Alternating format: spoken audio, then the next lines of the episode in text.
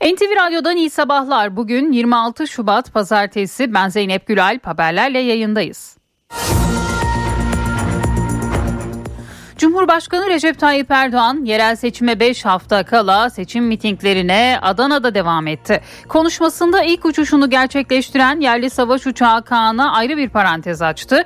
Rakiplerimiz endişeli dedi. Muhalefete yönelik eleştirileri de vardı. Cumhurbaşkanı adayı olarak çıkardıkları bir zat vardı. Partiden öyle bir kazıyı pattılar ki kedisi Şero'yu bile kapıdan içeriye sokmayacaklardı dedi. İstanbul'da 10 yıldan uzun süredir atıl durumda olan Sirkeci ve Kazlı Çeşme arasındaki 8 kilometrelik raylı sistem hattında iyileştirmeler tamamlandı. Hattın içinde olduğu alanın önemli bir bölümü ise yaya kullanımı için tasarlandı. Hat bugün Cumhurbaşkanı Recep Tayyip Erdoğan'ın da katılacağı törenle hizmete girecek. Tören nedeniyle bazı yollar trafiğe kapalı olacak. AK Parti İstanbul Büyükşehir Belediye Başkan adayı Murat Kurum, İstanbul Büyükşehir Belediye Başkanı Ekrem İmamoğlu'nun Sirkeci Kazlı Çeşme raylı sistemler açılışı daveti aldığını söylemesine kendisi rüya görüyor sonra da ona inanıyor dedi. İstanbul Büyükşehir Belediye Başkanı Ekrem İmamoğlu ise bana gelen davet maili kimden geliyor? Açılışın olduğu yerin ilçe belediye başkanı Sayın Ergun Turan'dan. Tarafıma davet yenilenirse ben bu hattın açılışına gene gideceğim. İstanbul'da devletimizin bir açılışına katılmak İstanbul Büyükşehir Belediyesi'nin vazifesidir diye konuştu. CHP Genel Başkanı Özgür Özel Balıkesir'de belediye başkan adayları tanıtım toplantısına katıldı. Gündeminde yerel seçim ve ekonomi vardı. Seçmeni CHP'li adayları desteklemeye çağırdı. Türkiye Büyük Millet Meclisi'nde milyonlarca emekliyi yakından ilgilendiren bir düzenleme ele alınacak. Emeklinin bayram ikramiyesini 3 bin liraya çıkaracak maddeyi de içeren 8. yargı paketi düzenlemesi yarın genel kurul gündeminde olacak. Enerji ve Tabi Kaynaklar Bakanı Alparslan Bayraktar, Erzincan'ın İliç ilçesindeki maden sahasında meydana gelen toprak kaymasının ardından çalışmaların sürdüğünü belirtti. Bayraktar, yeni heyelan riskini ortadan kaldırmak, aramaların güvenliğini sağlamak için yürüttüğümüz faaliyetler hızlanarak devam ediyor ifadesini kullandı. Marmara Denizi'nde 15 Şubat'ta batan kargo gemisinin kayıp 4 mürettebatını arama çalışmaları sürüyor. İki personelin cansız bedenleri bulunmuştu. Deniz Kuvvetleri Komutanlığı'na bağlı unsurlar çalışmaların 10. gününde faaliyetlerini sonlandırdı. Ailelerin isteğiyle bu kez devreye Kıyı Emniyet Genel Müdürlüğü'ne bağlı Nene Hatun gemisi girdi. Ukrayna Devlet Başkanı Zelenski savaşın 3. yılına girerken Kiev'de düzenlenen Ukrayna Yıl 2024 forumunda konuştu. Zelenski zaferin Batı'nın desteğine bağlı olduğunu söyledi. Ukrayna'nın savaşta 31 bin asker kaybettiğini dile getirdi ve ilk kez barıştan söz etti. İsrail'in 1,5 milyonun üzerinde Filistinli sivilin yaşadığı Gazze şeridindeki refaha askeri operasyon için hazırlıkları sürerken Beyaz Saray'dan bir kez daha Tel Aviv yönetimine uyarı geldi. Ulusal Güvenlik Danışmanı Jake Sullivan, İsrailli yetkililerle e, görüşmelerinde açık şekilde refahta sivilleri korumaya yönelik bir plan görmeden askeri operasyon istemediklerini söylediklerini aktardı. Ve spor Beşiktaş derbiye moralli gidiyor. Beşiktaş Süper Lig'de Semih Kılıçsoy ve Ernest Muçi'nin golleriyle İstanbulspor'u 2-0 mağlup etti. Siyah beyazlar Galatasaray derbisi öncesi yenilmezlik serisini 4 maça çıkardı.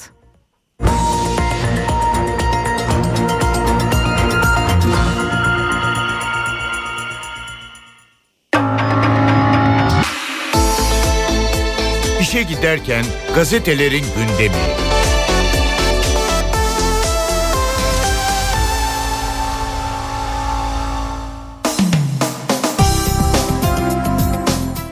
Sabahla başlıyoruz. Kirli ittifaklarla demleniyorlar manşetini görüyoruz sabahta.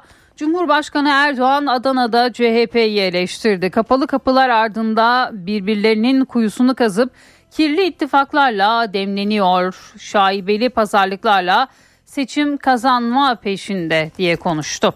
Biz gerçek belediyecilik diyoruz. Onlar birbirleriyle didişiyor. Dünya Kaan'ı konuşuyor. Bizdeki mankurtlaştırılmış zihniyetler Kaan'a bakınca kalorifer peteği veya süpürge sapı görüyor. Ama Asya'dan Afrika'ya kadar 100 milyonlarsa güçlenen bir Türkiye görüyor. Türkiye savunma sanayinde destan yazıyor. Bugün 34 ülkenin semalarını Türk İHA ve SİHA'ları koruyor. Rakiplerimiz endişeye kapıldığı yeni müjdeler yolda dış politikada Avrupa'dan aferin almaya çalışan değil dik duruşuyla dünyaya takdir toplayan bir ülkeyiz dedi Cumhurbaşkanı. FETÖ'nün toplantı şifresi halı sahada buluşalım bir diğer başlık. Antalya'daki FETÖ soruşturmasında Terzi Bülent Duman'ın iş yerinde toplantı yapıldığı ve toplanan kurban paralarının örgüte aktarıldığı öğrenildi deniliyor yine sabahta. Yeni hedef Diyarbakır bir diğer başlık TPAO, Şırnak, Siirt ve Van'dan sonra bu kez de Diyarbakır'da petrol arayacak. Tespit kuyuları için yerler belirlendi. Çınar Bozçalı köyü sınırları içindeki 50 bin metrekarelik alanda döner sondaj tekniğiyle dikmencik bir tespit kuyusu açılacak. TPAO'ya göre müjde yolda diyor bugün sabah gazetesi. Hürriyet'in manşetinde o ikizler benim değil başlığını görüyoruz. İstanbul Adliyesi'nde çok ilginç bir dava sürüyor. Yonca K adlı kadın nüfusuna kayıtlı ikiz çocukların kendisine ait olmadığını belirterek eski sevgilisi Ferah Muzge'den davacı oldu diyor bugün Hürriyet. Savunmada yeni müjdeler yolda yine bir diğer başlık Cumhurbaşkanı Erdoğan'ın e, Adana'da mitingde yaptığı konuşma bu başlıkla veriliyor Hürriyet'te. Atina'nın tek gündemi Kaan'sa bir diğer haber. Yunan basını Türkiye'nin ilk milli muharip uçağı Kaan'ın ilk uçuşunun üzerinden günler geçmesine rağmen hala bu başarıyı konuşuyor. Haftalık Prototema gazetesi savunma sanayindeki hamleler sayesinde Türkiye'nin hem özgüvenini hem de dış politikada özel hareket olanaklarını artırdığını yazdı. Gazetede Türk Hava Kuvvetleri şifrelerini sadece kendisinin bileceği modern bir savaş uçağına sahip olacak ifadesini kullandı. YKS için son gün yine hürriyetten bir diğer başlık üniversite adaylarına 8-9 Haziran'da yapılacak yüksek öğretim kurumları sınavı başvurusu için tanınan süre bugün saat 23.59'da sona eriyor. Başvurular ÖSYM merkezleri ya da internet sitesinden yapılabiliyor. İstanbul Modern'e bir ödül daha yine hürriyette. İstanbul Modern'in Renzo Piano imzalı yeni binası prestijli bir ödül daha kazandı. Dünyanın önde gelen mimarlık platformlarından Ark Daily'nin 15 yıldır düzenlediği yılın binası ödüllerinde kültürel mimari kategorisinde zafer İstanbul Modern'in oldu diyor. Bugün yine Hürriyet gazetesi. Milliyet'in manşeti Marmara fokur fokur tehlike çanları çalıyor. Mevsim normallerinin üzerinde seyreden sıcaklıklar deniz suyu sıcaklıklarını da 3 derece birden yükseltti. Özellikle Marmara'da buna yapılaşmanın sebep olduğu kirlilik de eklenince müsilaj kabusu kendisini yeniden hatırlattı diyor Milliyet gazetesi. Mal varlığını asın talimatı bir diğer haber yine Milliyet'ten. Partisinin Balıkesir'de düzenlenen aday tanıtım toplantısında konuşan CHP Genel Başkanı Özgür Özel 31 Mart'ta yapılacak yerel seçimlerden sonra partisinin belediye başkanlarının mal varlıklarını makam odalarının girişindeki cama asacaklarını söyledi. Yine Milliyet'in ilk sayfasına taşıdığı bir diğer başlık arıda hayat çığlığı. Birçok ürünün üretiminde payı olan arılar iklimin bozulması bitkilerin çiçeklenme zamanında gecikme nedeniyle çiçeklerden yeterince faydalanamıyor.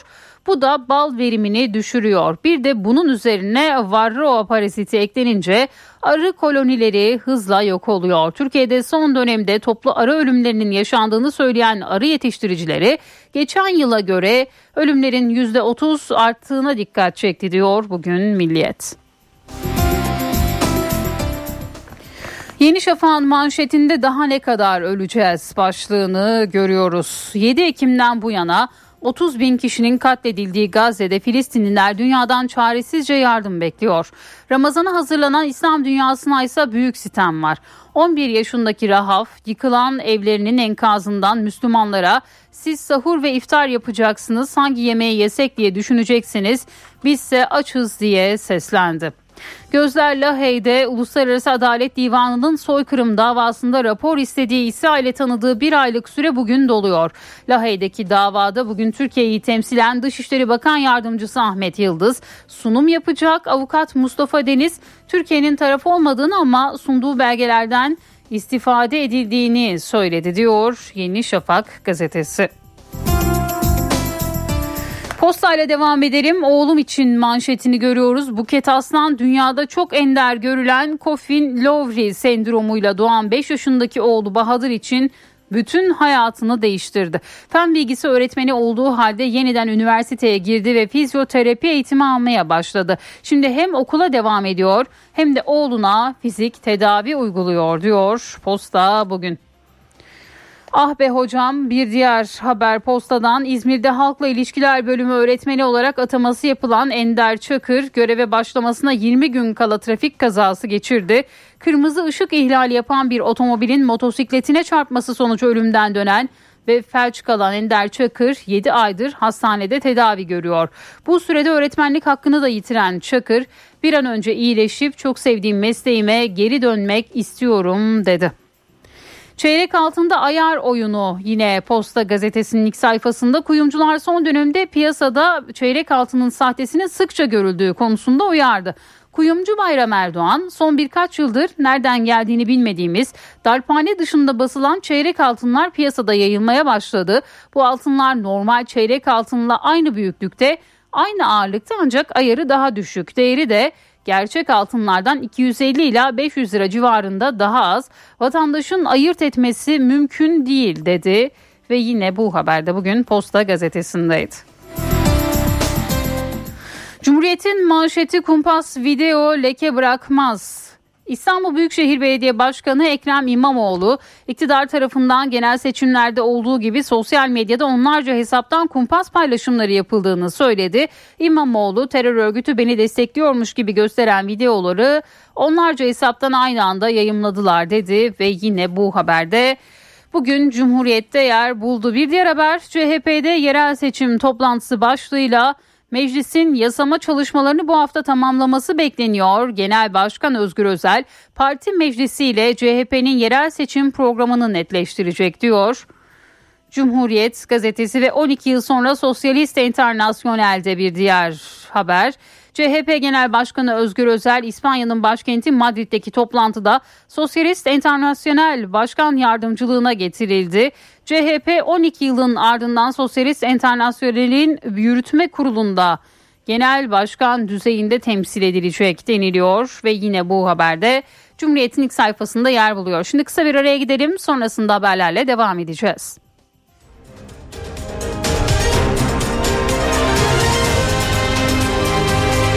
NTV Radyo Titanic Hotels köşedeki kitapçıyı sunar. Merhaba, ben Adnan Bostancıoğlu. Modern korku, gerilim ve polisiyet türlerinin öncü yazarlarından. Belki de önde geleni. Edgar Allan Poe'nun hikayelerinden bir derleme, Aşır Evinin Çöküşü başlığıyla Itaki'den yayınlandı. Hikayeleri dilimize dost körpe çevirmiş. Malum Edgar Allan Poe, gotik edebiyat denince akla gelen ilk isim. 19. yüzyılın edebiyat dünyasına damgasını vuran yazarlardan biri. 1809'da Boston'da dünyaya geldi Poe. 1849'da 40 yaşındayken Baltimore'da öldü.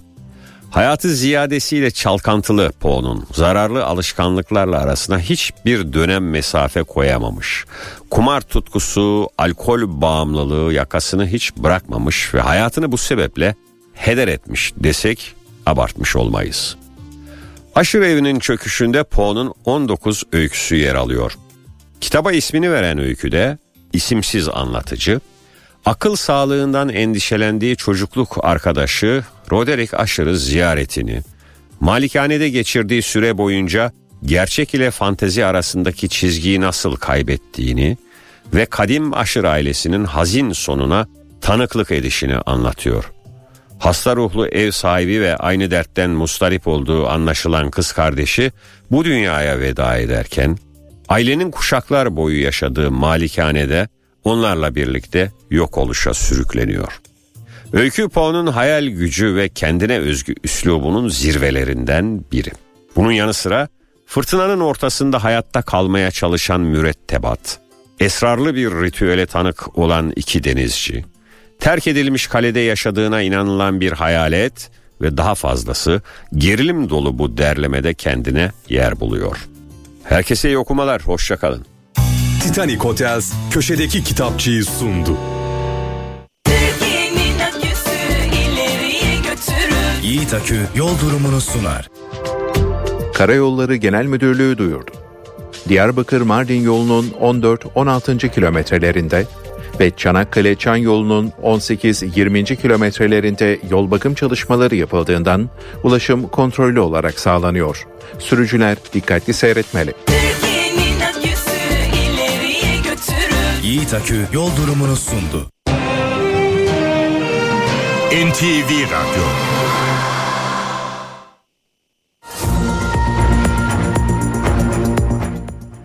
NTV Radyo'da haberleri aktarmayı sürdürüyoruz. İstanbul'da 10 yıldan uzun süredir atıl durumda olan Sirkeci ve Kazlı Çeşme arasındaki 8 kilometrelik raylı sistem hattında iyileştirmeler tamamlandı. Hat bugün Cumhurbaşkanı Recep Tayyip Erdoğan'ın da katılacağı törenle hizmete girecek. Hattın içinde olduğu alanın önemli bir bölümü ise yaya kullanımı için tasarlandı.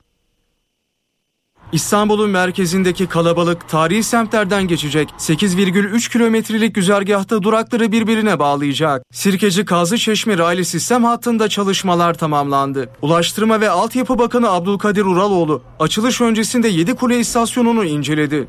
Atıl kalan bu hatta gerekli iyileştirme ve değişimleri yaparak bambaşka bir yapıda hem 8 istasyonlu demiryolu hem de yaya odaklı çevreci bir proje olarak yeniden İstanbul'a kazandırdık. Yepyeni bir konsept ile yaya odaklı bir raylı sistem projesini İstanbul'a sunmanın heyecanını, mutluluğunu ve gururunu yaşıyoruz. 8 duraktan oluşan hattın yolculuk süresi 20 dakika. 8,3 kilometre uzunluğundaki hatta çalışmalar tamamlandı. Şu an Yedikule istasyonundayız. Bakın turnikeler artık yerleştirildi. Yolcuları bekliyor. Yolculuk süresi ise ortalama 20 dakika olacak ve 8 ayrı istasyon bulunuyor. Hepsi İstanbul'un tarihi semtlerinden geçiyor. Kazı Çeşme'de başlayan yolculuk Yedikule'ye uzanacak ve oradan Koca Mustafa Paşa, Cerrahpaşa, Yeni Kapı, Kum Kapı, Can Kurtaran ve Sirkeci'den tren devam edecek. Böylece Cerrahpaşa ve Samatya hastanelerine ulaşımın kolaylaşması ve bölgede trafik yükünün hafifletilmesi hedefleniyor. İstasyonlar İstanbul'un en eski raylı sistem durakları arasında. Yapımı tamamlanan hattaki duraklar İstanbul'un tarihi demiryolu sistemi üzerinde bulunuyor. Öyle ki tarihi 1871 yılına kadar uzanıyor. Dolayısıyla buradaki istasyonların yapımında da mimarlar, sanat tarihçileri görev aldı ve durakların orijinal bir görünüme sahip olması amaçlandı. Bu duraklar şimdi yolcuları bekliyor. 225 bin metrekarelik alanın 122 bin metrekaresi yaya kullanımı için tasarlandı. Bu alanda bisiklet ve yürüyüş yolları da olacak. Ulaştırma Bakanı Uraloğlu'na İstanbul Büyükşehir Belediye Başkanı Ekrem İmamoğlu'nun resmi açılışa davet edilip edilmediğine yönelik soru da yöneltildi. Biz İstanbul'a nasıl hizmet ederiz onun derdindeyiz. Kim hangi törene nasıl katılacak, kim hangi sırada oturacak, hangi sırada konuşacak derdimiz o değil. Burada Sirkeci Kazlı Çeşme raylı sistem hattı açılış töreni nedeniyle bugün bazı yollar trafiğe kapalı olacak İstanbul'da. Saat 6'da başladı. Program bitimine kadar YTT Kazlı Çeşme son durağı kullanıma kapalı olacak. Kazlı Çeşme Marmara İspark alanına da araç alınmayacak. Sirkeci İstasyon Caddesi bugün saat 7 itibariyle program bitimine kadar kapatılırken sürücüler alternatif güzergah olarak Sahil Kennedy ve Ankara caddelerini kullanabilecek. Cumhurbaşkanı Recep Tayyip Erdoğan yerel seçime 5 hafta kala seçim mitinglerine Adana'da devam etti. Konuşmasında ilk uçuşunu gerçekleştiren yerli savaş uçağı Kaan'a ayrı bir parantez açtı. Rakiplerimiz endişeli dedi. Muhalefete yönelik eleştirileri de vardı. Türkiye savunma sanayi alanında adeta bir destan yazıyor. Milli muharip uçağımız Kaan ilk uçuşunu başarıyla gerçekleştirdi. Muhalefetin bize sürekli örnek gösterdiği ülkelerde son dört gündür Kaan konuşuluyor ya. Rakiplerimiz de endişeye kapılıyor. Vereceğiz. Daha ne müjdeler vereceğiz inşallah. Cumhurbaşkanı Recep Tayyip Erdoğan, Milli Muharip Uçağı K'nın ilk uçuşunu gerçekleştirmesini bu sözlerle değerlendirdi. Savunma sanayinde yeni müjdelerin geleceğini söyledi. Şimdi uçak gemimizin bir üst segmentini yapacağız. Ve şu anda deniz kuvvetlerimiz çalışmayı yürütüyor. Cumhurbaşkanı mesajlarını AK Parti'nin Adana mitinginde verdi. CHP yönetimine yönelik eleştirileri de vardı. Kirli ittifaklarla hani çay demlersiniz ya demleniyor. Şaibeli pazarlıklarla seçim kazanma peşinde koşuyorlar. Cumhurbaşkanı adayı olarak milletin önüne çıkardıkları bir zat vardı. Partiden öyle bir kazıyıp attılar ki neredeyse kedisi Şero'yu bile kapıdan içeri sokmayacaklar. Erdoğan programda Cumhur İttifakı'nın Adana adaylarını da tanıttı. Cumhur İttifakı olarak hep birlikte el ele vereceğiz. Herhangi bir sıkıntıya yer vermeden Adana'dan patlatacağız. CHP Genel Başkanı Özgür Özel ise Balıkesir'de belediye başkan adayları tanıtım toplantısına katıldı. Gündeminde yerel seçim ve ekonomi vardı. Seçmeni CHP'li adayları desteklemeye çağırdı. Özel, AK Parti İstanbul Büyükşehir Belediye Başkan adayı Murat Kurum'un Erzincan'daki madenle ilgili sözlerini değerlendirdi. Ne diyorlar? Acı reçete geliyor. Ne diyorlar? Bundan sonra kemer sıkacağız. Sıkı para politikası yapacağız. Seçmen 1 Nisan'da eğer buna bir cevap vermezse önümüzdeki süreçte çok tehlikeli, çok zor, 4 yıl bir daha sandığı bulamayacağı, sesini duyuramayacağı bir süreç başlayacak. Bu sürecin başlamaması için seçmenin elinde bir imkan var. Bir zaman diyorlardı beka sorunu var bilmem ne var. Hepsi palavra. Bu ülke beka sorunu olunca kimin ne yaptığını biliyor. Sandıkta bu iktidara sarı kartı göstereceğiz. Kırmızı ışığı yakacağız. Dur artık yeter diyeceğiz. Dönemin Çevre Bakanı Murat Kurum'dur. Ne alakası var benden dediği imza heyelan riski yoktur diye attığı evlatlarımızı felakete sürüklediği bir imzadır. AK Parti ve Cumhur İttifakı'nın Ankara Büyükşehir Belediye Başkan adayı Turgut Altınok seçim vaatlerini açıkladı. Ulaşım projelerine ayrı bir parantez açan Altınok, emeklilere ve muhtarlara da destek sağlayacağını söyledi. Her ay 20 bin üniversite öğrencimize karşılıksız 1500 lira bursları hesaplarına yatıracağız. Efendim 10 bin kişilik bir öğrenci yurdu yapacağız. 10 bin öğrencimize düşük kiralı konut yapacağız. Cumhur İttifakı'nın Ankara Büyükşehir Belediye Başkan adayı Turgut Altınok vaatlerini açıkladı. Tüm üniversite öğrencilerimize ulaşımı ücretsiz yapacağız dedi. Ulaşım projelerine başlık açtı. Metronun 24 saat hizmet vereceğini söyledi. Ankara'nın trafik çilesi ortadan kaldıracağız. Önce metro projelerimiz. Altında metro hattımız. Batıkent, Ümitköy metro hattını birbirine bağlayacağız. Ankara'mızın trafik çilesini sonlandıracağız. Köylerde suyun metreküpünün 50 kuruştan verileceğini ve abonelik ücreti alınmayacağını söyleyen Altınok, muhtarlara 1500, emeklilere ise 5000 lira destek sağlayacaklarını söyledi. Mevcut belediye başkanı ve 31 Mart'taki rakibi Mansur Yavaş'a da eleştirisi vardı. Ankara son 5 yılda büyük şehirden maalesef büyük bir kasabaya dönüşmüştür. Başkentimiz boş kent oldu. Sanal belediyecilik anlayışı bugün itibariyle miladını doldurmuştur. Ankara Büyükşehir Belediye Başkanı Mansur Yavaş ise seçim çalışmalarını sürdürüyor. Yavaş, partisinin Ufuktepe Seçim Koordinasyon Merkezi'nin açılışına katıldı. Rakibi Cumhur İttifakı'nın Ankara Büyükşehir Belediye Başkan adayı Turgut Altınok'un eleştirilerine de yanıt verdi.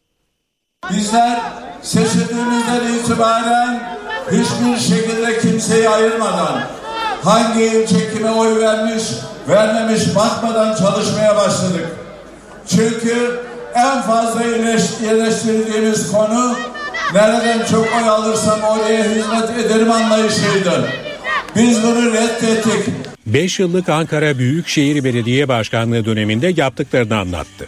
31 Mart'taki rakibi Cumhur İttifakı'nın Ankara Büyükşehir Belediye Başkan adayı Turgut Altınok'un eleştirilerine de yanıt verdi. Ankara Büyükşehir Belediye Başkanı Mansur Yavaş, Keçiören Ufuktepe Seçim Koordinasyon Merkezi açılışında konuştu. Rakibim demiş ki 5 yıldır hiçbir yerde görmediğiniz fotoğraflar şimdi asılıyor. Evet seçim zamanı asıyoruz ama 5 yıldır sizin gibi sağa sola sürekli fotoğraflarımızı atıp Ankara halkının tertemiz parasını bunlara harcamadık. Keşke siz de Ankara halkının paralarıyla reklam yapmayı bıraksanız artık. Yavaş rakiplerine mal varlığınızı açıklayın çağrısı da yaptı. Mal beyanımı açıkladım. Her şeyimiz açık. Bütün adaylar açıklasın. Herkes görsün görev yaptığı sırada göreve gelmeden önceki servetini, göreve geldikten sonraki servetini herkes görsün. Türkiye Büyük Millet Meclisi'nde milyonlarca emekliyi yakından ilgilendiren bir düzenleme ele alınacak. Emeklinin bayram ikramiyesini 2 bin liradan 3 bin liraya çıkaracak maddeyi de içeren 8. yargı paketi düzenlemesi yarın genel kurul gündeminde olacak. Emeklinin bayram ikramiyesini 3 bin liraya yükseltecek kanun teklifi yeni haftada genel kurul gündemine gelecek. Haftalık çalışmasına salı günü başlayacak genel kurulda gündemin ilk sırasında 8. yargı paketi olacak. Düzenlemeye komisyon aşamasında eklenen bir maddeyle emekliye Ramazan ve Kurban bayramlarında verilen 2 bin liralık ikramiye %7 artışla 3 bin liraya yükselecek. 8. yargı paketi ayrıca uzun yargılama süreleriyle ilgili manevi tazminat taleplerinin Anayasa Mahkemesi'nden önce Adalet Bakanlığı'na bağlı tazminat komisyonuna yapılmasını öngörüyor. Yakalama ve tutuklama işlemlerinin yanı sıra adli kontrol işlemlerine karşı kanunda öngörülen başvuru imkanlarından yararlandırılmayan kişiler tazminat isteminde bulunabilecek. Bir günlük adli para cezasının alt sınırı 20 liradan 100 liraya çıkacak. İtiraz, istinaf ve temyiz kanun yollarına başvuru süreleri eşitlenerek 2 hafta olacak. Anayasa Mahkemesi'nin iptal ettiği bazı düzenlemeler de iptal gerekçelerine göre yeniden hazırlandı. Buna göre örgüte üye olmamakla birlikte örgüt adına suç işleme fiili müstakil bir suç haline getirildi. Bu fiili gerçekleştiren kişi hem işlediği suç hem de örgüt adına suç işlediği için ayrı ayrı cezalandırılacak. Hükmün geriye bırakılması kararlarına karşı da temiz yoluna gidilebilecek. Salı ve çarşamba günleri ise mecliste grubu bulunan siyasi partilerin grup toplantıları yapılacak. NTV Radyo Enerji ve Tabi Kaynaklar Bakanı Alparslan Bayraktar, Erzincan'ın İliç ilçesindeki maden sahasında meydana gelen toprak kaymasının ardından çalışmaların sürdüğünü belirtti. Bayraktar, yeni heyelan riskini ortadan kaldırmak, aramaların güvenliğini sağlamak için yürüttüğümüz faaliyetler hızlanarak devam ediyor ifadesini kullandı. Marmara Denizi'nde 15 Şubat'ta batan kargo gemisinin kayıp 4 mürettebatın arama çalışmaları sürüyor. İki personelin cansız bedenleri bulunmuştu. Deniz Kuvvetleri Komutanlığı'na bağlı unsurlar çalışmaların 10. gününde faaliyetlerini sonlandırdı. Ailelerin isteğiyle bu kez devreye Kıyı Emniyet Genel Müdürlüğü'ne bağlı Nene Hatun gemisi girdi. Şu an itibariyle Suda. suda dalgıçlar. Deniz Kuvvetleri Komutanlığı unsurları çalışmalarını sonlandırdı. Devreye Nene Hatun gemisi girdi. Bursa'da batan gemideki 4 denizci arama çalışmaları 11 dalgıç ve 1000 personelde sürüyor. Batuhan A adlı mermer tozu taşıyan 6 personeli bulunan kargo gemisi 15 Şubat'ta Bursa Karacabey ilçesi açıklarında su alarak batmıştı. Arama çalışmalarında gemi mürettebatından aşçı Zeynep Kılınç'la yağcı olarak görev yapan Hüseyin Tutuk'un cansız bedenlerine ulaşıldı. Kayıp 4 denizlidense hala haber yok. Çalışmaların 10. gününde Deniz Kuvvetleri Komutanlığı unsurları bölgedeki faaliyetleri de sonlandırdı.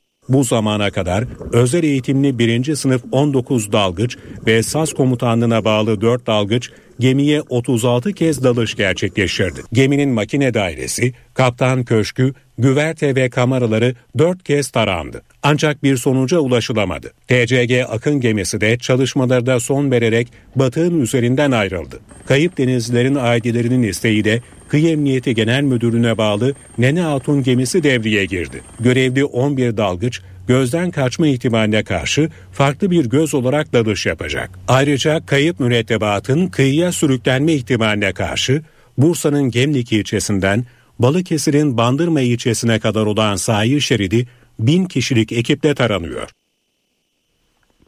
62 yaşında hayatını kaybeden Türk İş Genel Başkan Yardımcısı ve Türk Metal Sendikası Onursal Genel Başkanı Pevrul Kavlak, memleketi Kırıkkale'de son yolculuğuna uğurlandı. Kavlak için Ankara'da Türk Metal Sendikası'nda da tören düzenlendi. Allahu Ekber. Uzun yıllar boyunca metal işçilerinin zam pazarlıklarından asgari ücret görüşmelerine kadar birçok alanda çalışanları temsil eden bir isimdi. 62 yaşında yaşamını kaybeden Türk İş Genel Başkan Yardımcısı ve Türk Metal Sendikası'nın onursal başkanı Perul Kavlak son yolculuğuna uğurlandı. Kavlak için ilk olarak Ankara'da Türk Metal Sendikası'nda tören düzenlendi. Uzun su içerisindeyiz. Allah mekanı cennet eylesin inşallah. Törene Çalışma ve Sosyal Güvenlik Bakanı Vedat Işıkhan, Türk İş Genel Başkanı Ergün Atalay, TİSK Yönetim Kurulu Başkanı Özgür Burak Akkol da katıldı. Bu kardeşimiz benim 20 senelik yol arkadaşımdı. Bu kardeşim adildi. Bu kardeşim merhametliydi. Bu kardeşim metal işçisi için, Türk işçisi için, 5 kuruş için sabahlara kadar mücadele ederdi. Mükemmel pırıl pırıl bir hayat geride bıraktı. İşçinin bir kuruş emeğini masada bırakmayan bir lider kaybettik. Kavlak daha sonra Kırıkkale'de kılınan cenaze namazının ardından aile mezarlığına defnedildi. 2002 yılında Türk Metal Sendikası Genel Sekreteri olan Kavlak, 2009 yılında genel başkan seçildi. 5 dönem yürüttüğü bu görevini sağlık sorunları nedeniyle bırakmıştı. Uzun süredir kanser tedavisi gören Perul Kavlak, evli ve iki çocuk babasıydı. 8-9 Haziran'da yapılacak Yükseköğretim Kurumları sınavına başvurular bugün 23.59'da sona eriyor. Adaylar başvurularını ÖSYM'nin internet sitesi ya da mobil uygulaması üzerinden Türkiye Cumhuriyeti kimlik numaraları ve şifrelerini girerek yapabiliyor. Sınava başvuracak adaylar her bir oturum için 295 lira ödeyecek. Yükseköğretim Kurumları sınavının birinci oturumu olan temel yeterlilik testi 8 Haziran Cumartesi, alan ve yabancı dil yeterlilik testleri ise 9 Haziran Pazar günü yapılacak sonuçlarsa 17 Temmuz'da açıklanacak. Kontrolsüz harcamalar ve artan borçlar nedeniyle kredi kartlarına yakın zamanda düzenleme getirilmesi bekleniyor. Peki düzenleme neleri kapsayacak? Sınırlamalar kimler için gelecek? Lüks tüketim nasıl kısıtlanacak? Ekonomi uzmanlarının dikkat çeken görüşlerine yer veren haberimizde devam edelim. Halkımız alışmış önden harcamaya parayı ondan sonra da dara düşüyor. Kredi kartı bir tuzak gibi geliyor bana. İnsanlar fazla kullanıyor ama gelirleri az yani. Başka nasıl geçinecekler? Tüketim artıyor, borçlar kabarıyor, önlemlerse yolda. Kredi kartlarına düzenleme ile ilgili ilk sinyal Merkez Bankası Başkanı Fatih Karahan'dan gelmişti. Düzenleme yapılması gerektiğini çalışma başlattıklarını açıklamıştı. Neden kredi kartına düzenleme ihtiyacı duyuluyor? Çünkü enflasyonla mücadele ediyoruz. Dolayısıyla Türkiye'de enflasyonun en önemli nedenlerinden biri güçlü tüketim. Ağırlıklı olarak tüketimin kredi kartıyla yapıldığı görülüyor. Peki kredi kartlarına ilişkin hangi düzenlemeler yolda? Konuyla ilgili henüz bir netlik yok ancak tahminler ve görüşler ortak. Uzmanlar ise kredi kartı kullanımına yönelik düzenlemenin zorunlu harcamadan daha çok lüks tüketime yönelik olması gerektiğini belirtiyor. Bütün kredi kartı kullanıcıları aynı gelir seviyesine sahipmiş ve bütün e, satın alma alışkanlıkları aynıymış gibi bir değerlendirme yapmamak gerekiyor. Tam da bu sebeple ekonomistlere göre atılması gereken ilk adım karta taksit uygulamasının kaldırılması. Şimdi dünyanın birçok ülkesinde kredi kartında taksit yok. Türkiye'ye özel bir durum aslında bu demek çok yanlış olmaz. Çünkü taksit sayısının olması bile başlı başına kredi kartı kullanımının en temel sebebi. Yeni evlenecek birisi taksitlenmeden nasıl evini düzebilir? Yani kimsenin cebinde bir 500 bin lira yok.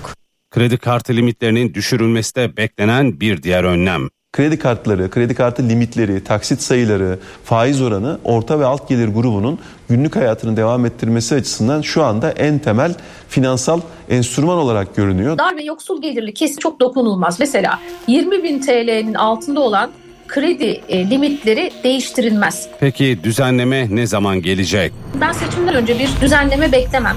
Ama seçimden hemen sonra çok kısa bir süre sonra bu düzenlemenin hayata geçeceğini düşünüyorum.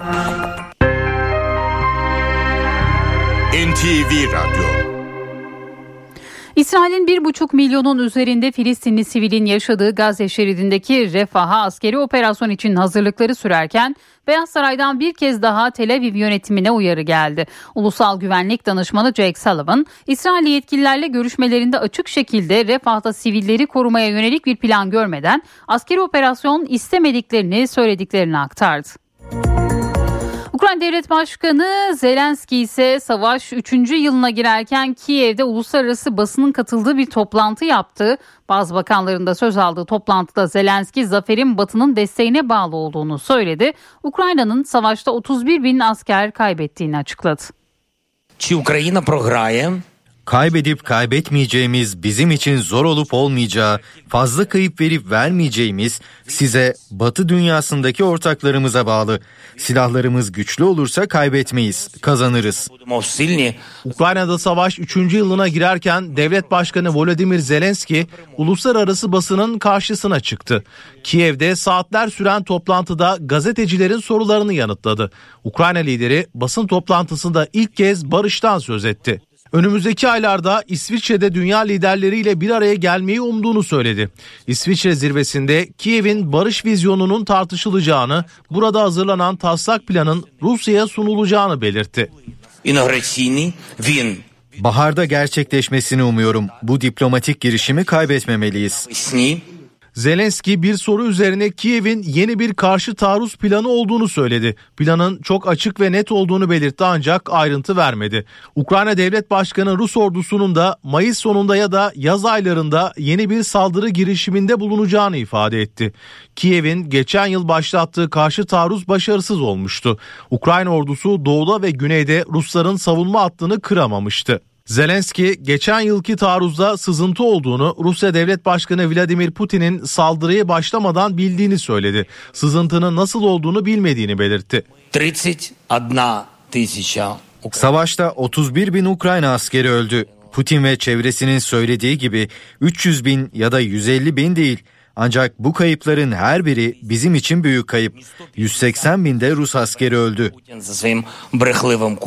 Ukrayna bir yılı aşkın süredir ilk kez asker kaybını açıkladı. Zelenski işgal altındaki bölgelerde on binlerce sivilin öldüğünü söyledi. Ancak Rusya'nın işine yarar diyerek yaralı sayısını vermedi.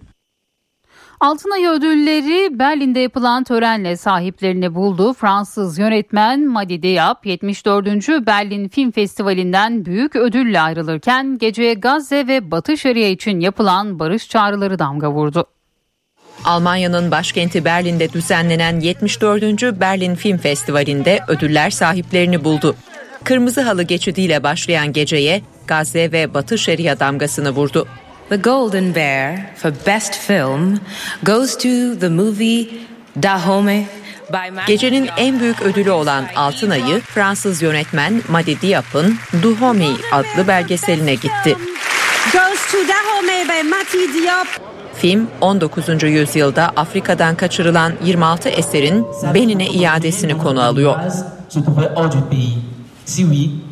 En iyi yönetmen ödülünü ise uyuşturucu kralı Pablo Escobar'a ait su aygırlarının akıbetini konu edinen Pepe adlı filmiyle yönetmen Nelson Carlos de los Santos Arias aldı. For Best Director goes to Nelson Carlos de los Santos Arias for Pepe. En iyi belgesel ödülünün sahibi Batı Şeria'da İsrailli yerleşimcilerle mücadelesini anlattığı No Other Land filmiyle Bazel Adra oldu.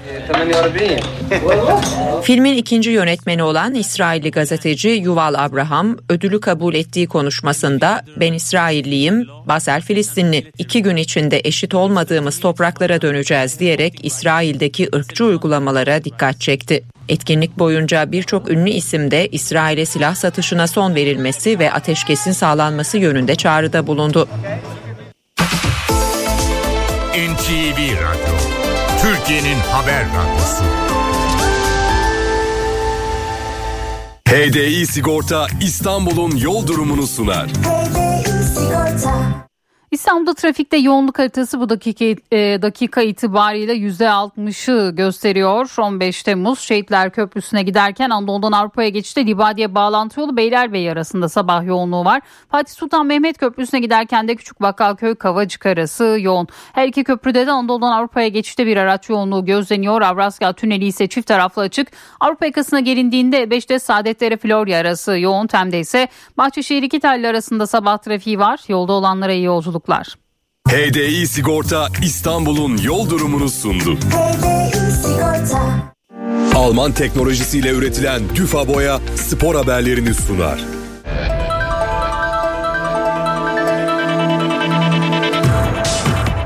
Trendyol Süper Lig'in 27. haftası bugün sona erecek. Sonuçlar ve kalan maç programı şöyle.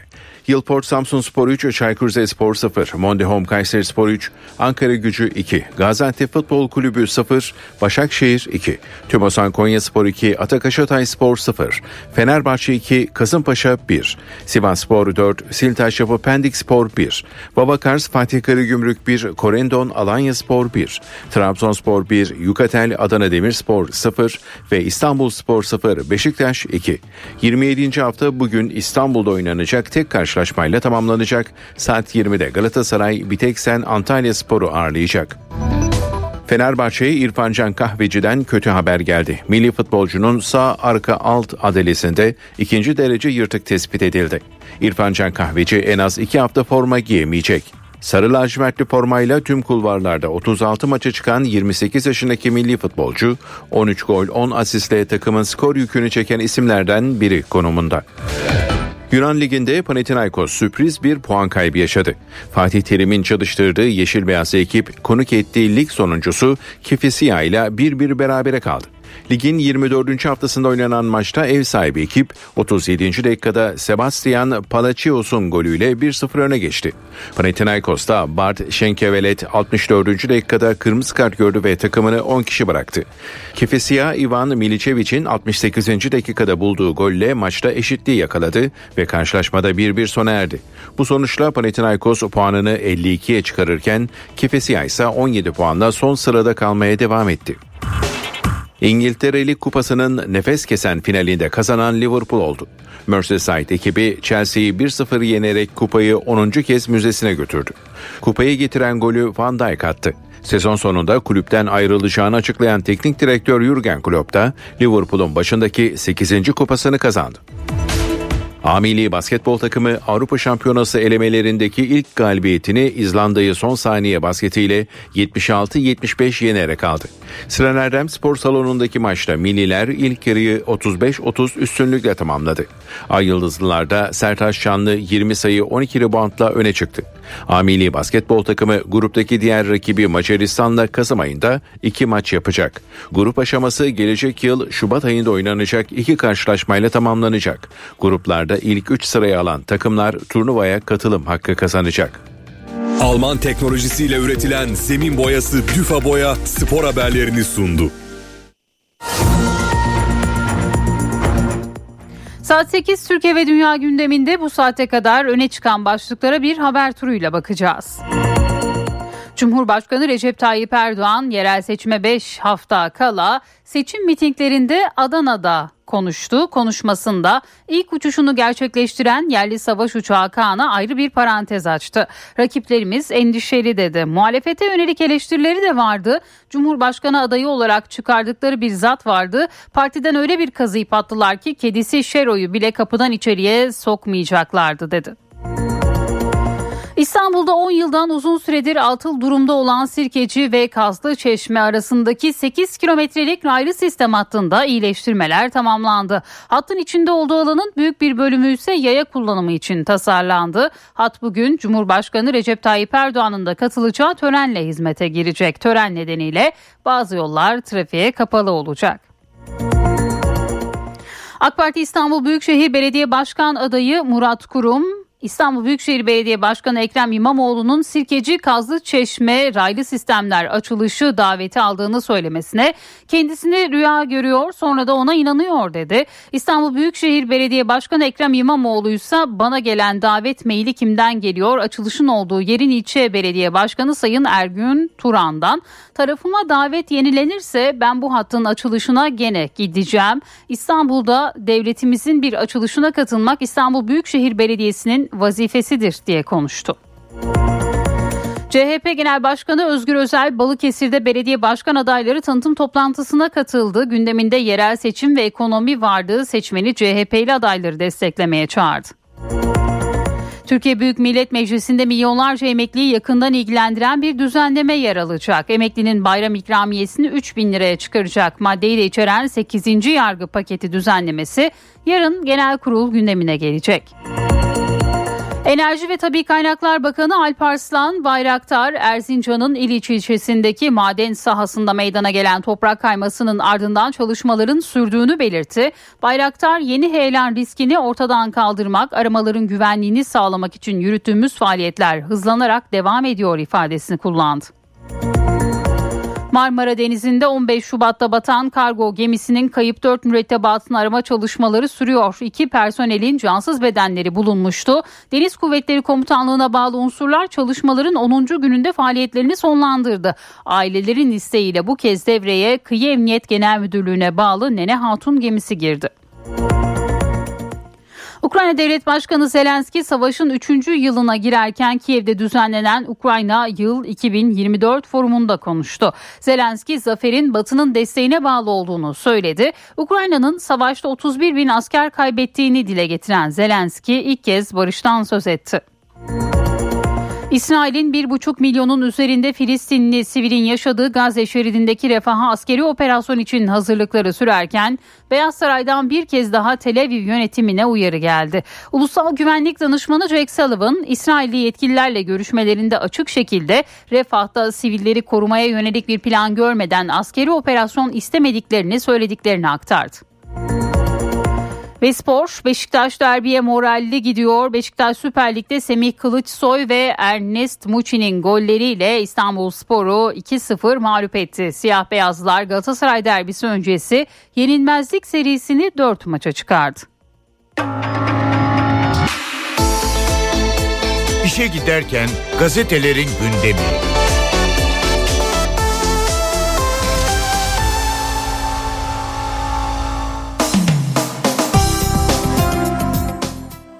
Sabahla başlıyoruz. Kirli ittifaklarla demleniyorlar manşetini görüyoruz. Cumhurbaşkanı Erdoğan Adana'da CHP'yi eleştirdi. Kapalı kapılar ardında birbirlerinin kuyusunu kazıp kirli ittifaklarla demleniyor. Şaibeli pazarlıklarla seçim kazanma peşinde diye konuştu. Biz gerçek belediyecilik diyoruz. Onlar birbirleriyle didişiyor. Dünya Kaan'ı konuşuyor. Bizdeki mankurtlaştırılmış zihnin, e, zihinler Kaan'a bakınca kalorifer peteği veya süpürge sapı görüyor ama Asya'dan Afrika'ya kadar 100 milyonlarsa güçlenen bir Türkiye görüyor. Türkiye savunma sanayinde destan yazıyor. Bugün 34 ülkenin semalarını Türk İHA ve SİHA'ları koruyor. Rakiplerimiz endişeye kapıldığı yeni müjdeler yolda dış politikada Avrupa'dan aferin almaya çalışan değil, dik duruşuyla dünyada takdir toplayan bir ülkeyiz diye konuştu. Cumhurbaşkanı. FETÖ'nün toplantı şifresi halı sahada buluşalım bir diğer haber. Antalya'daki FETÖ soruşturmasında tersi Bülent Duman'ın iş yerinde toplantı yapıldığı ve toplanan kurban paralarının örgüte aktarıldığı öğrenildi. Kafelerdeki buluşma noktaları deşifre olan FETÖ üyelerinin yeni adresi iş yerleri. İnternetten haberleşen FETÖ'cülerin bir terzi dükkanına içinde pantolon olan poşetle giriş yaptıkları belirti, e, belirlendi. Şifre ise bu akşam halı saha maçı var. Yeni hedef Diyarbakır. Bir diğer başlık TPAO, Şırnak, Siirt ve Van'dan sonra bu kez Diyarbakır'da petrol arayacak. Tespit kuyuları için yerler belirlendi. Çınar Bozcalı köyü sınırları içindeki 50 bin metrekarelik alanda Döner sondaj tekniğiyle dikmencik bir tespit kuyusu açılacak. TPAO'ya göre müjde yolda diyor bugün sabah gazetesi. Hürriyetle devam ediyoruz. O ikizler benim değil manşetini atıyor bugün Hürriyet gazetesi. İstanbul Adliyesi'nde çok ilginç bir dava sürüyor. Yonca K adlı kadın nüfusuna kayıtlı ikiz çocukların kendisine ait olmadığını belirterek eski sevgilisi Feramuz G'den davacı oldu diyor bugün Hürriyet. Bir diğer başlık savunmada yeni müjdeler yolda. Cumhurbaşkanı Erdoğan Türkiye'nin savunma sanayi alanında destan yazdığını belirterek yeni müjdelerimiz yolda diye konuştu. Yine bir diğer haber Atina'nın tek gündemi Kaan başlığıyla Yunan basını Türkiye'nin ilk milli muharip uçağı Kaan'ın ilk uçuşunun üzerinden günler geçmesine rağmen hala başarıyı konuşuyor. Haftalık Prototema gazetesi savunma sanayindeki hamleleri sayesinde Türkiye'nin hem özgüvenini hem de dış politikada özel hareket olanaklarını artırdığını yazdı. Gazetede Türk Hava Kuvvetleri şifrelerini sadece kendisinin bileceği modern bir savaş uçağına sahip olacak ifadesi kullanıldı. YKS için son gün bir diğer başlık üniversite adaylarına 8-9 Haziran'da yapılacak yüksek öğretim kurumları sınavı başvurusu için tanınan süre bugün saat 23.59'da sona eriyor. Başvurular ÖSYM merkezleri ya da internet sitesinden yapılabiliyor deniliyor bugün. Yine bu haberde hürriyette yer buluyor. Çekilmez komşudan kurtulabilirsiniz bir diğer haber. Apartman sakinleri sürekli gürültü yapan, aidat ödemeyen, hiçbir uyarıya kulak asmayan, hatta hakimin verdiği tedbir kararlarını dinlemeyen komşular komşudan kurtulabilir. Bir genel kurul kararıyla açılacak dava sonrası onun kat mülkiyetini devralabilir. Peki bunun şartları nedir diyor bugün Oya Armutçu ve bu haberde yine bir kısmı Hürriyet'in ilk sayfasında yer buluyor. İstanbul Modern'e bir ödül daha. İstanbul Modern'in Renzo Piano imzalı yeni binası prestijli bir ödül daha kazandı. Dünyanın önde gelen mimarlık platformlarından Arc Daily'nin 15 yıldır düzenlediği yılın binası ödüllerinde kültürel mimari kategorisinde zafer İstanbul Modern'in oldu diyor Hürriyet gazetesi bugün. Milliyetle devam edelim. Marmara fokur fokur tehlike çanları çalıyor. Bugün Milliyet'in manşetinde yer verdiği başlık. Mevsim normallerinin üzerinde seyreden sıcaklıklar deniz suyu sıcaklıklarını da 3 derece birden yükseltti. Özellikle Marmara'da buna yapılaşmanın sebep olduğu kirlilik de eklenince müsilaj kabusu kendisini yeniden hatırlattı. Uzmanlar Marmara'da yaşanan deniz anası patlamasının yeni bir müsilaj dalgasının habercisi olduğuna dikkat çekiyor. Bandırma 17 Eylül Üniversitesi'nden Profesör Mustafa Sarı, daldığımda deniz yüzeyi sıcaklığı 11 derece civarındaydı. Bunun aslında 8-9 derece olması lazım. Kirliliği azaltmadıkça müsilaj olma ihtimali yüksek. Marmara'da aşırı alg çoğalmasını görüyoruz diyor. İstanbul Üniversitesi Su Bilimleri Fakültesinden Profesör Melek işini bilir Okyar'da deniz anası artışının müsilajın habercisi olduğuna dikkat çekerek kışın su sıcaklığı korktuğumuz bir parametre çünkü beraberinde müsilaj riski var. Deniz anaları da müsilajın oluşmasında katalizör oluyor ifadelerini kullandı.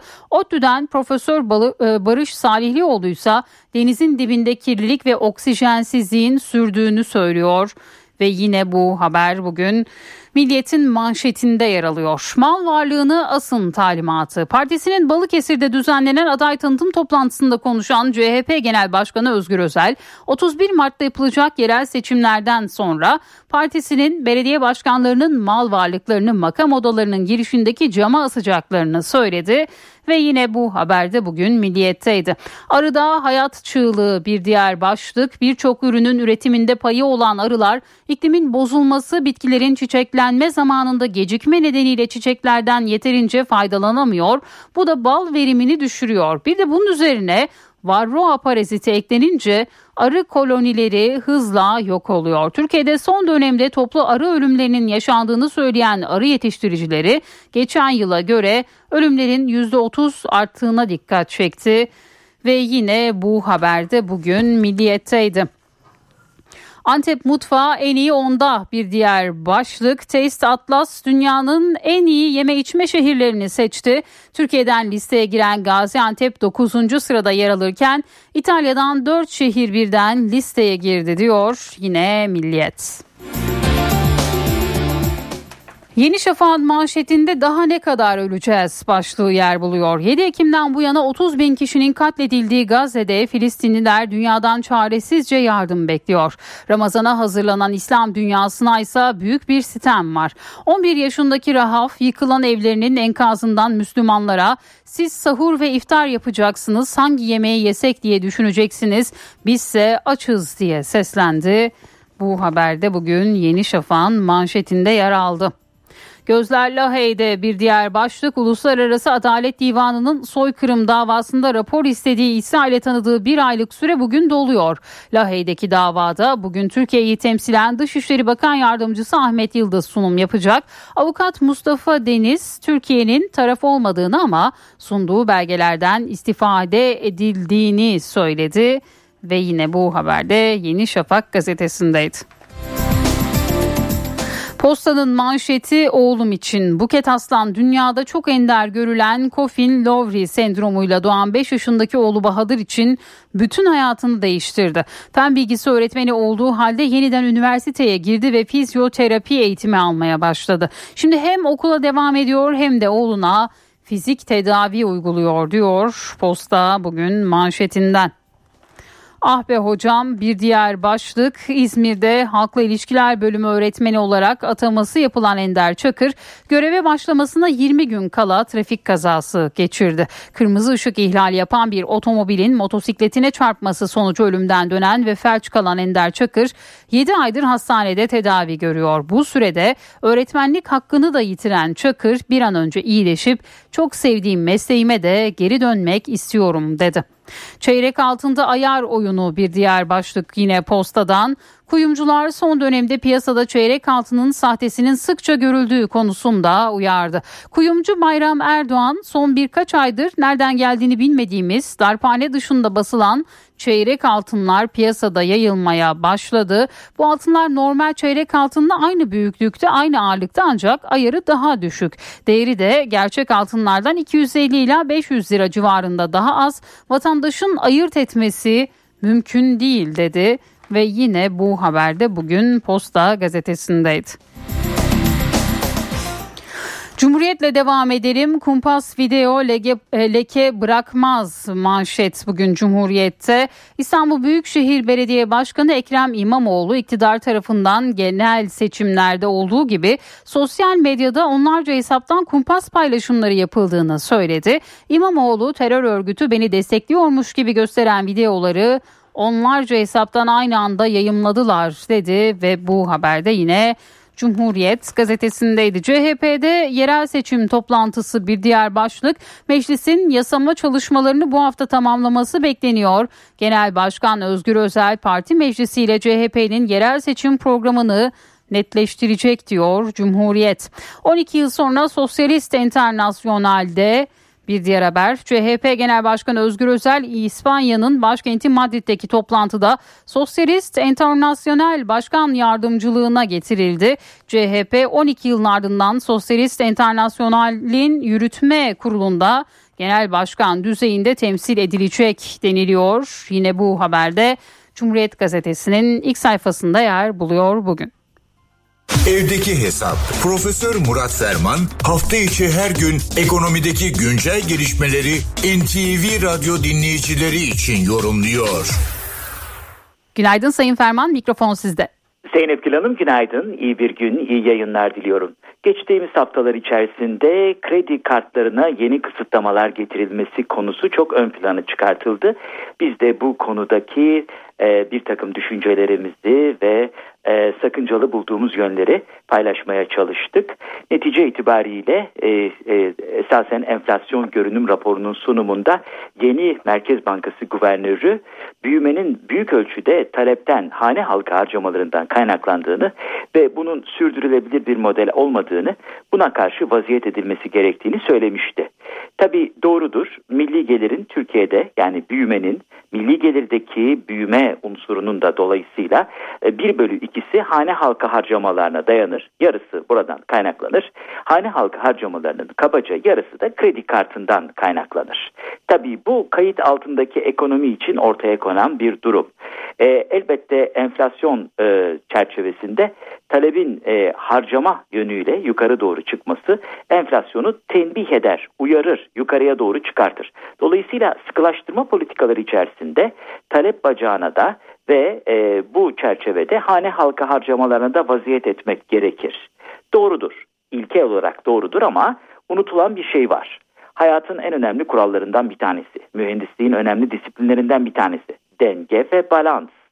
Eğer bunu tutturamazsanız o zaman sürdürülebilir modellerden bahsedemezsiniz. Karahan da bundan bahsetmiyor muydu? Yani tüketici harcamalarına dayanarak bir büyüme sürdürülebilir ve sağlıklı bir büyüme değildir. Peki ne yapacaksınız? Denge ve balans çerçevesinde bunu sınırlamaya çalışacaksınız ama sınırlamaya çalışırken bu sefer dengeyi ve balansı bozabilirsiniz. Esasen enflasyonun bulunduğu yerde denge zaten bozulmuş demektir. Demektir. Demek ki bunu tekrar tesis etmeniz gerekir. O halde denge ve balansı temin etme yolunda e, çok dikkatli olmak lazım. Neden? Çünkü teşhis doğru olabilir. Ama eğer e, manevranız yanlışsa o zaman 2005 yılında Teoman'ın çektiği balans ve manevra filmi aklımıza gelir. Ekonomide denge ve balans kadar balans ve manevra da önemlidir. Unutmayalım bütün modeller, o cafcaflı ifadeler, e, kafa karıştıran formüller bunların hepsi araçtır. Amaç sonuç alabilmektir. Amaç ekonominin de e, amacında, merkezinde, tahtında, e, gönül hattında oturan insanın esenliğini, insanın refahını, yaşam kalitesini doğru şekilde etkilemektir. Keşke bir takım ahkamlarla, keşke kurulan modellerle sonuç alınabilseydi.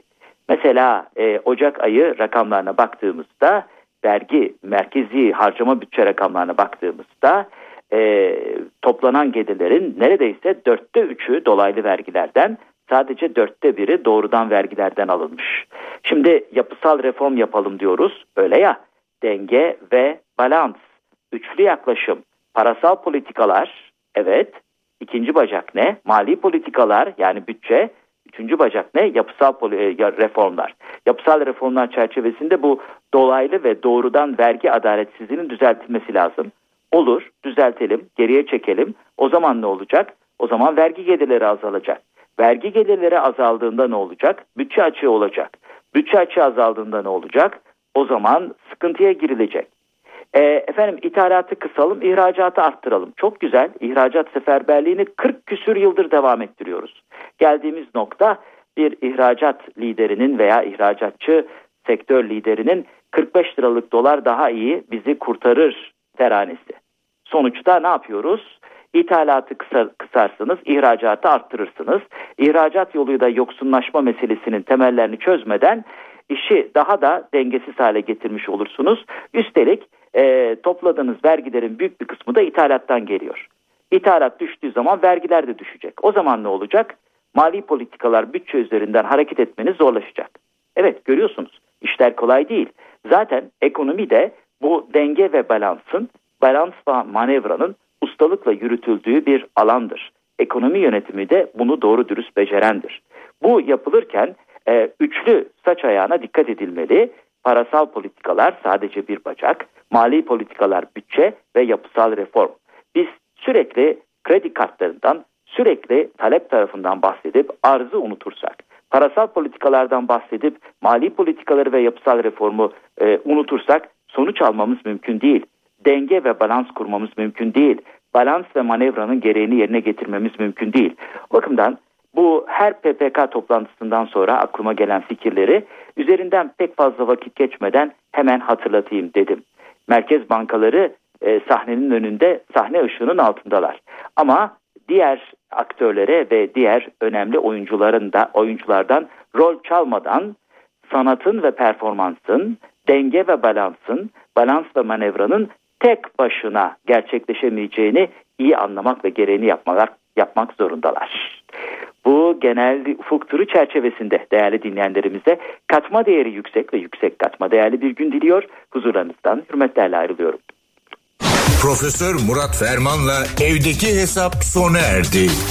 Kaçırdığınız bölümleri www.ntvradio.com.tr adresinden dinleyebilirsiniz.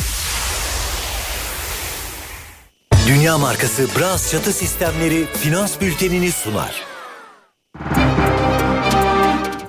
Borsa İstanbul Yüz Endeksi 9374 seviyelerinde dolar 31.27 euro 33.81'den işlem görüyor. Euro dolar paritesi 1.08. Altının onzu 2033 dolar. Kapalı çarşıda gram altın 2033, çeyrek altın 3447 liradan satılıyor. Brent petrolün varil fiyatı ise 81 dolar.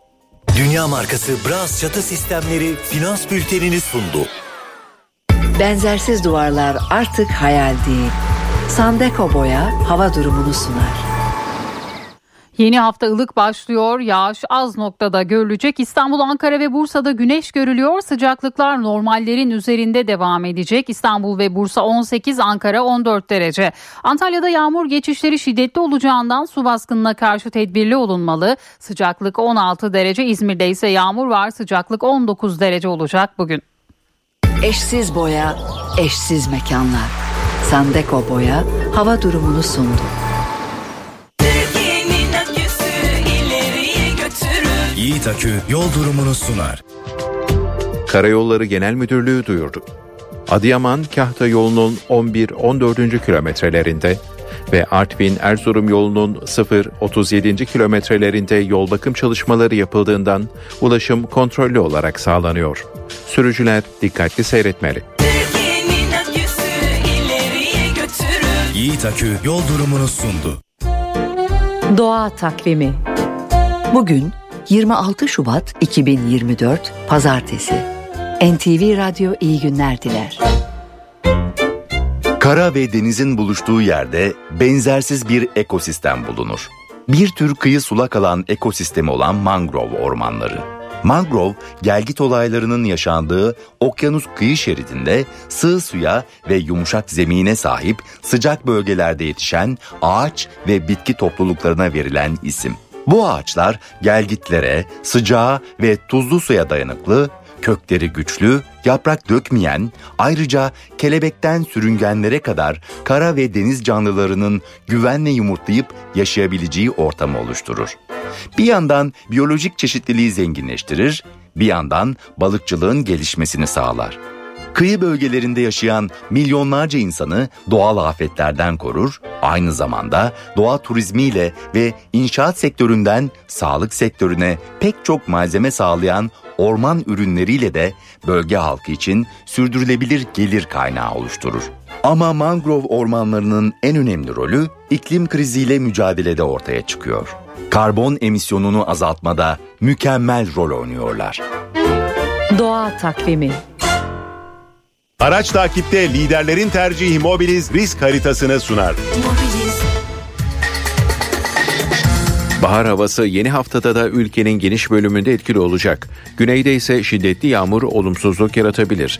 Özellikle Antalya ve çevresinde su baskınına karşı tedbirli olunmalı. Araç takipte liderlerin tercihi Mobiliz risk haritasını sundu.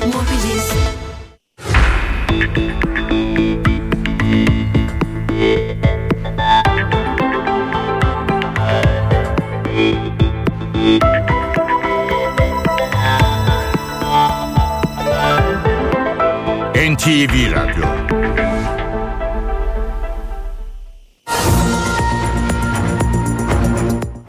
NTV Radyo'da haberleri aktarmayı sürdürüyoruz. Cumhurbaşkanı Recep Tayyip Erdoğan, Bayburt'un düşman işgalinden kurtuluşunun 106. yıl dönümü dolayısıyla düzenlenen programa video mesaj gönderdi. Cumhurbaşkanı 31 Mart seçimlerine yönelik önemli mesajlar verdi. Bayburt'un düşman işgalinden kurtuluşunun 106. yıl dönümünü tebrik ediyor. Canları pahasına vatanımıza sahip çıkan kahramanları bir kez daha rahmetle anıyorum. Ecdadımızın bizlere emaneti olan Türkiye Cumhuriyeti'ni 81 vilayeti ve 85 milyon vatandaşıyla ilelebet payidar kılmak için mücadelemizi sürdürüyoruz.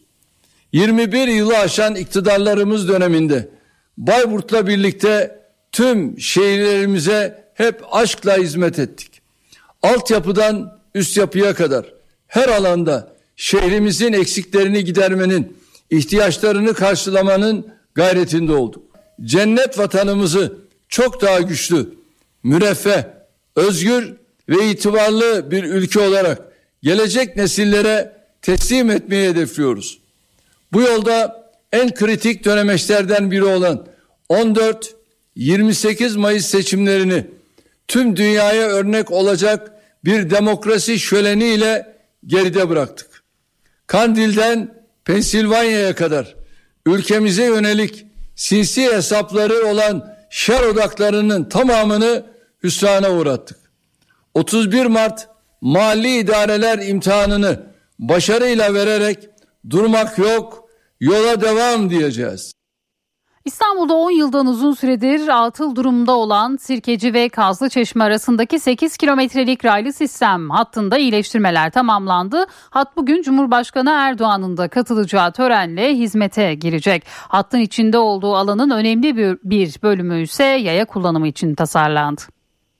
İstanbul'un merkezindeki kalabalık tarihi semtlerden geçecek. 8,3 kilometrelik güzergahta durakları birbirine bağlayacak. Sirkeci Kazı Çeşme raylı sistem hattında çalışmalar tamamlandı. Ulaştırma ve Altyapı Bakanı Abdülkadir Uraloğlu açılış öncesinde 7 kule istasyonunu inceledi.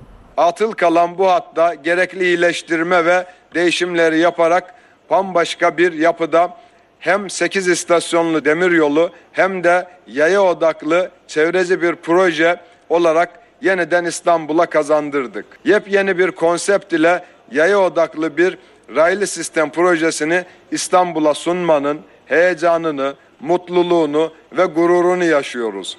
8 duraktan oluşan hattın yolculuk süresi 20 dakika. 8,3 kilometre uzunluğundaki hatta çalışmalar tamamlandı. Şu an Yedikule istasyonundayız. Bakın turnikeler artık yerleştirildi. Yolcuları bekliyor. Yolculuk süresi ise ortalama 20 dakika olacak ve 8 ayrı istasyon bulunuyor. Hepsi İstanbul'un tarihi semtlerinden geçiyor. Kazı Çeşme'de başlayan yolculuk Yedikule'ye uzanacak ve oradan Koca Mustafa Paşa, Cerrahpaşa, Yeni Kapı, Kum Kapı, Can Kurtaran ve Sirkeci'den tren devam edecek. Böylece Cerrahpaşa ve Samatya hastanelerine ulaşımın kolaylaşması ve bölgede trafik yükünün hafifletilmesi hedefleniyor. İstasyonlar İstanbul'un en eski raylı sistem durakları arasında.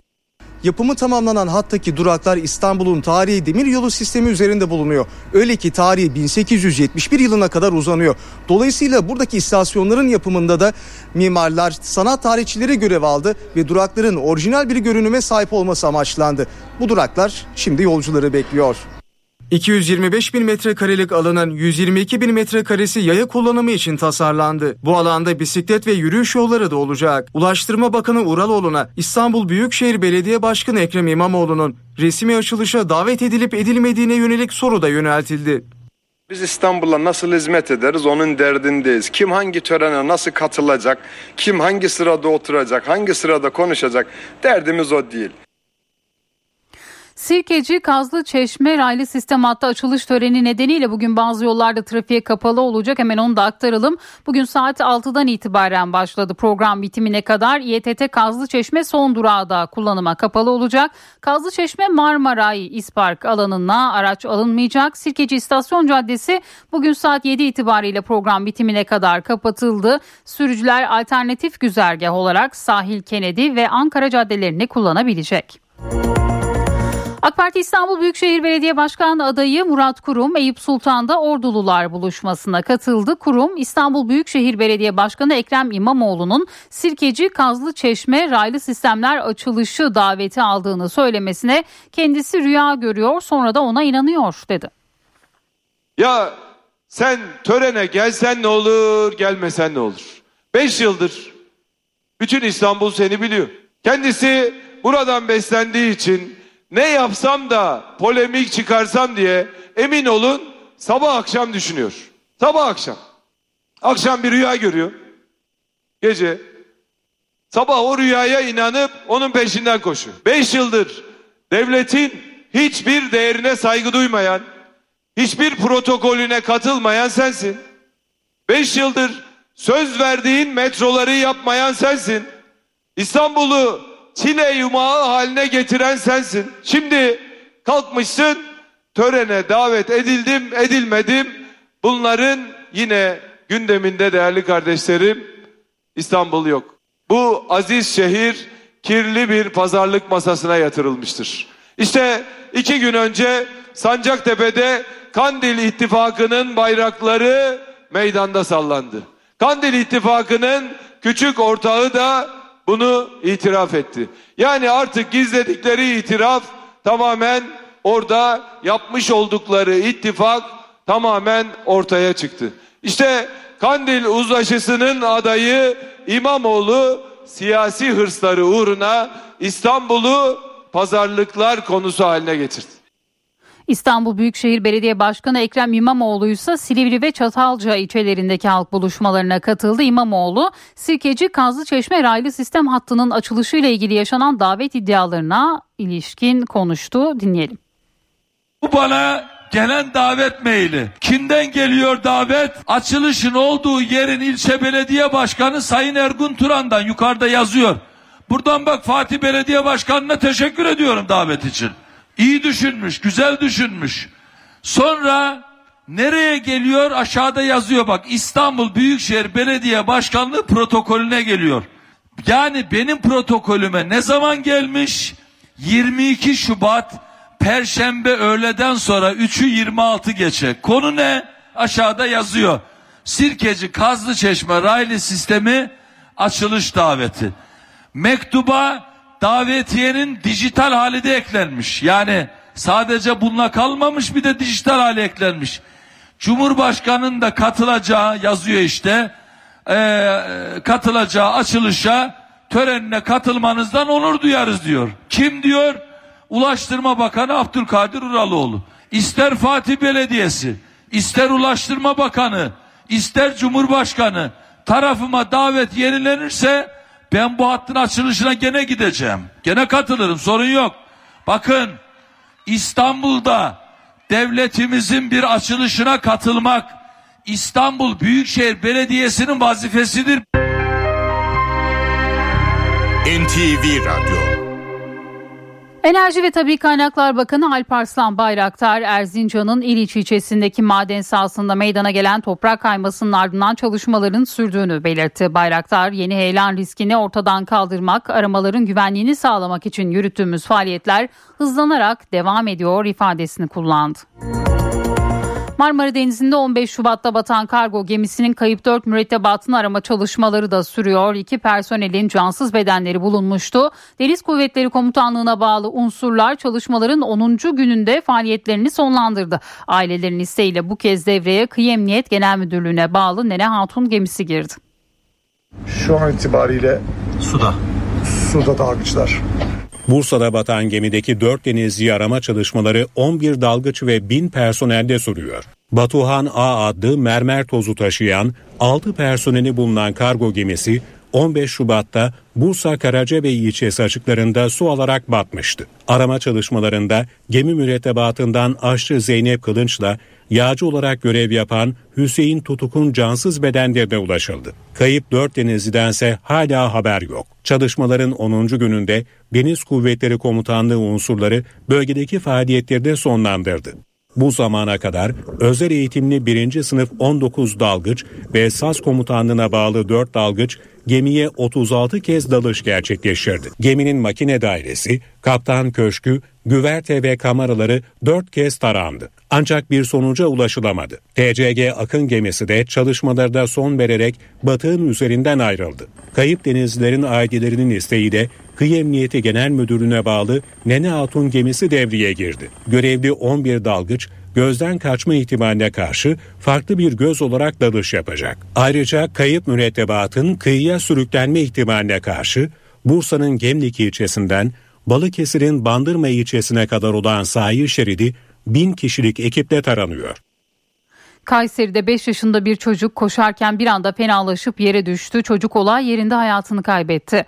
Koca Sinan ilçesinde 5 yaşındaki Suriye uyruklu çocuk arkadaşlarıyla koşuyordu. O sırada bir anda fenalaşıp yere düştü. Olayı görenler hemen ekiplere haber verdi. Ekipler çocuğun olan yerinde hayatını kaybettiğini tespit etti. Çocuğun cenazesi ölüm nedeninin belirlenmesi için Kayseri Devlet Hastanesi morguna kaldırıldı. Günde 7-8 saat uyumanıza rağmen yataktan dinlenememiş olarak kalkıyor, gün içinde kendinizi çok halsiz ve mutsuz hissediyorsanız kronik yorgunluk sendromu kapınızı çalmış olabilir. Peki bu yorgunluk nasıl aşılabilir? Beslenmesinden sporuna uzmanından öneriler geliyor şimdi mikrofona. Kronik yorgunluk hissediyor musunuz? Evet. Çok yorgunum. Yatıyorum, kalkıyorum, bir daha uykum geliyor. Karaciğer bozukluğu olabilir. Ee, böbreklerde olabilir. Siz nasılsınız? Ben çok iyiyim. Uyuyorum yetmiyor. Hep halsizim, hep yorgunum. Sindirim sistemim bozuk, hafızam zayıfladı. Hiçbir şeye odaklanamıyorum. İşte tüm bunlar kronik yorgunluğun tanımı. Mesela sabahleyin kalkıyoruz.